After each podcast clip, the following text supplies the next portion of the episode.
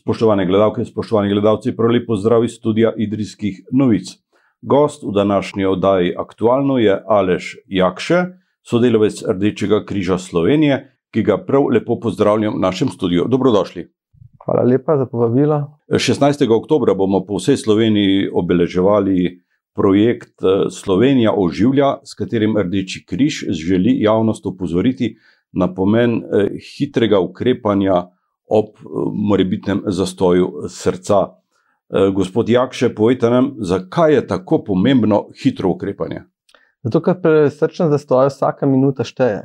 Vsaka minuta, ko so možgani brez kisika, je 10% možnosti njihovega preživetja. Se pomeni 10 minut, ko se s pacijentom, ki je šel v srčni zastoj, ne dogaja nič, se pravi, mu nihče nič ne pomaga, je žal prepozen. Njegovi možgani odmrejo in tudi kasneje, če pridejo reševalci, mu žal ne morejo več pomagati. Tako, evropske smernice za uživanje, mi se pač ravnamo po evropskih smernicah, vsake pet let eh, se spremenjajo smernice. In pač v tem primeru je treba čim hitreje pristopiti, je treba prepoznati srčni zastoj, poklicati 112, začeti z temeljnimi postopki uživanja, se pravi z masažo srca in umetnim dihanjem. Ra, razen zdaj v primeru COVID situacije se odsvetuje, se ne priporoča več umetno dihanje, ampak samo da izvajamo temeljne postopke uživanja z masažo srca. V eni od anket so vprašani zagotavljali, velika večina njih, da bi takoj pomagali bližnjemu sorodniku, nekoliko manj pa neznancu na ulici. Kako to?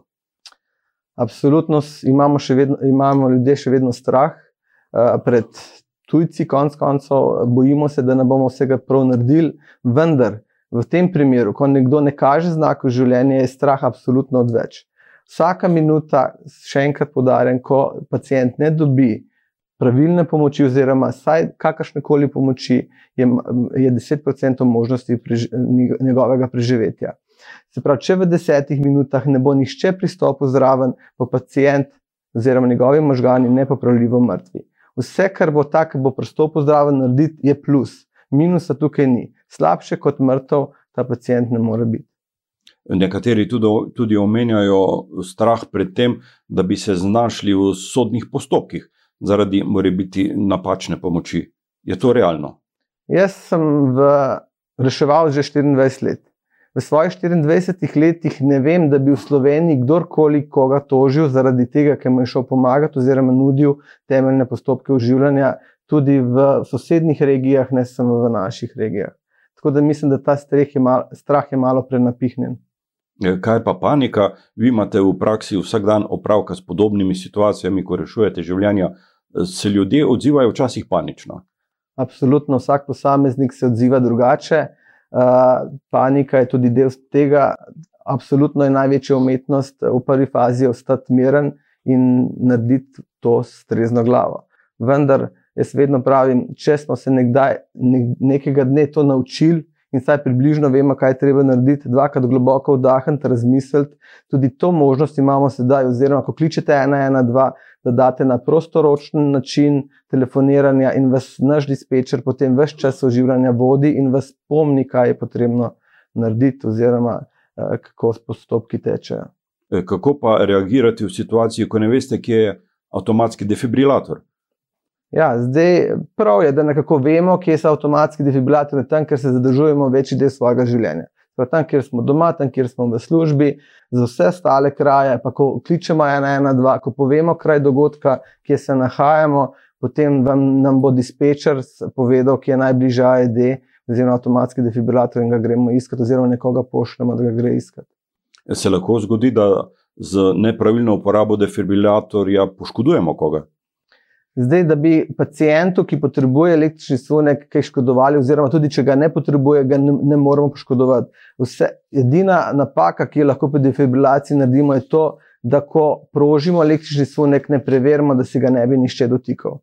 Tako, ko bomo prožili električni sunek, moramo biti pozorni in pogledati, celega pacijenta, da se ga nišče ne dotika, da ga nišče ne boža, konc koncev zdraven, da mu nišče ne poskuša pomagati v tistem trenutku.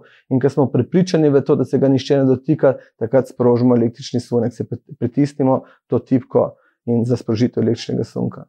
Sicer pa naprava deluje avtomatsko, tako da v primeru, da bi mu srce vendarle nekoliko delovalo, naprava ne bo dala sunka. Prav Abs razumem. Absolutno.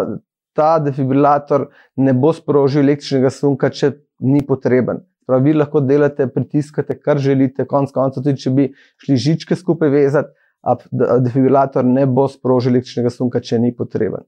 Sproži samo takrat, ko je potreben. Se pravi, če jaz slučajno defibrilator prelepem, bom rekel, na vas, ga ne morem sprožiti, nikakor ne. Pri uh, obolelem pa dejansko štejejo sekunde. Tako, pri obolelem pa pač ta motnja ritma, ki jo moramo defibrilirati, ustraja spet nekaj minut in jo poskušamo ujeti čim prej.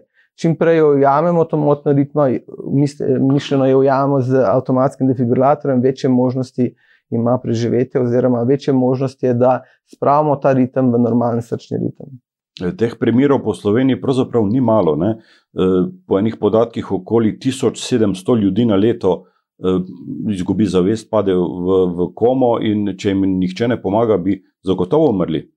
Tako, nekje 1700, ste vi rekel, na, na leto, oziroma pet na dan srčnih zastojev uh, v povprečju. Ne, se pravi, to je kar velika številka. Uh, izobraževalni sistem do neke mere pomaga, izobražuje, kako pomagati. Uh, sicer se občani zadnjič v, v praksi srečamo uh, z načini pomoči, ko delamo vozniški izpit, kasneje redki. Zakaj? Žal je trenutno res tako, kot ste rekel. Res je, da se mi zdaj tudi Rdeči križ zelo trudi že v osnovnih šolah, da že osnovno šolce uh, uči uh, temeljne postopke uživanja, še posebej v sklopu krožka uh, Rdečega križa oziroma prve pomoči.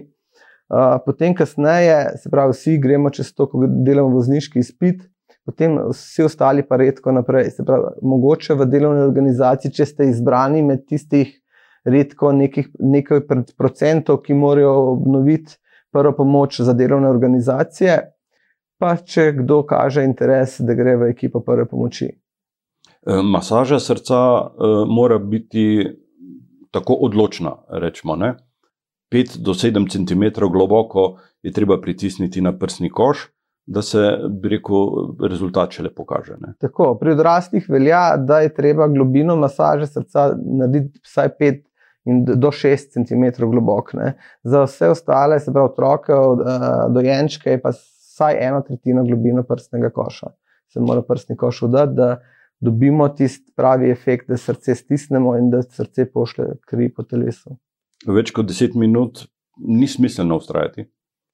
Seveda je smiselno. Ustrajamo, dokler ne pride reševalci. Mi uživamo, dokler ne pride reševalci, dokler pacijent ne začne dihati, oziroma dokler smo zmožni. Zato, dokler smo zmožni, čim bolj podaljšamo, je zelo dobro, da se, če imamo koga zraven, da se zamenjamo vsake dve minuti, da se menjavamo med sabo in potem smo dlje zmožni to delati. Seboj v studio ste prinesli tudi Eh, nekaj tehničnih pripomočkov. Prvi je avtomatski defibrilator, drugi je eh, vaša lutka, na kateri nam boste sedaj pokazali, eh, kako se pravzaprav pravilno izvede oživljanje onesvestenega. Ne? Tako, jaz bom zdaj pač pokazal, kako nekoga oživljati v primeru zdaj COVID situacije, ko je pač nevarnost okužb. Ne? Takrat, ko je pač nevarnost okužbe z virusom, Eh, bo so pač ti, ti postopki malo prilagojeni. Se pravi, ne bomo izvajali umetnega dihanja usta na usta, oziroma ga sploh ne bomo izvajali.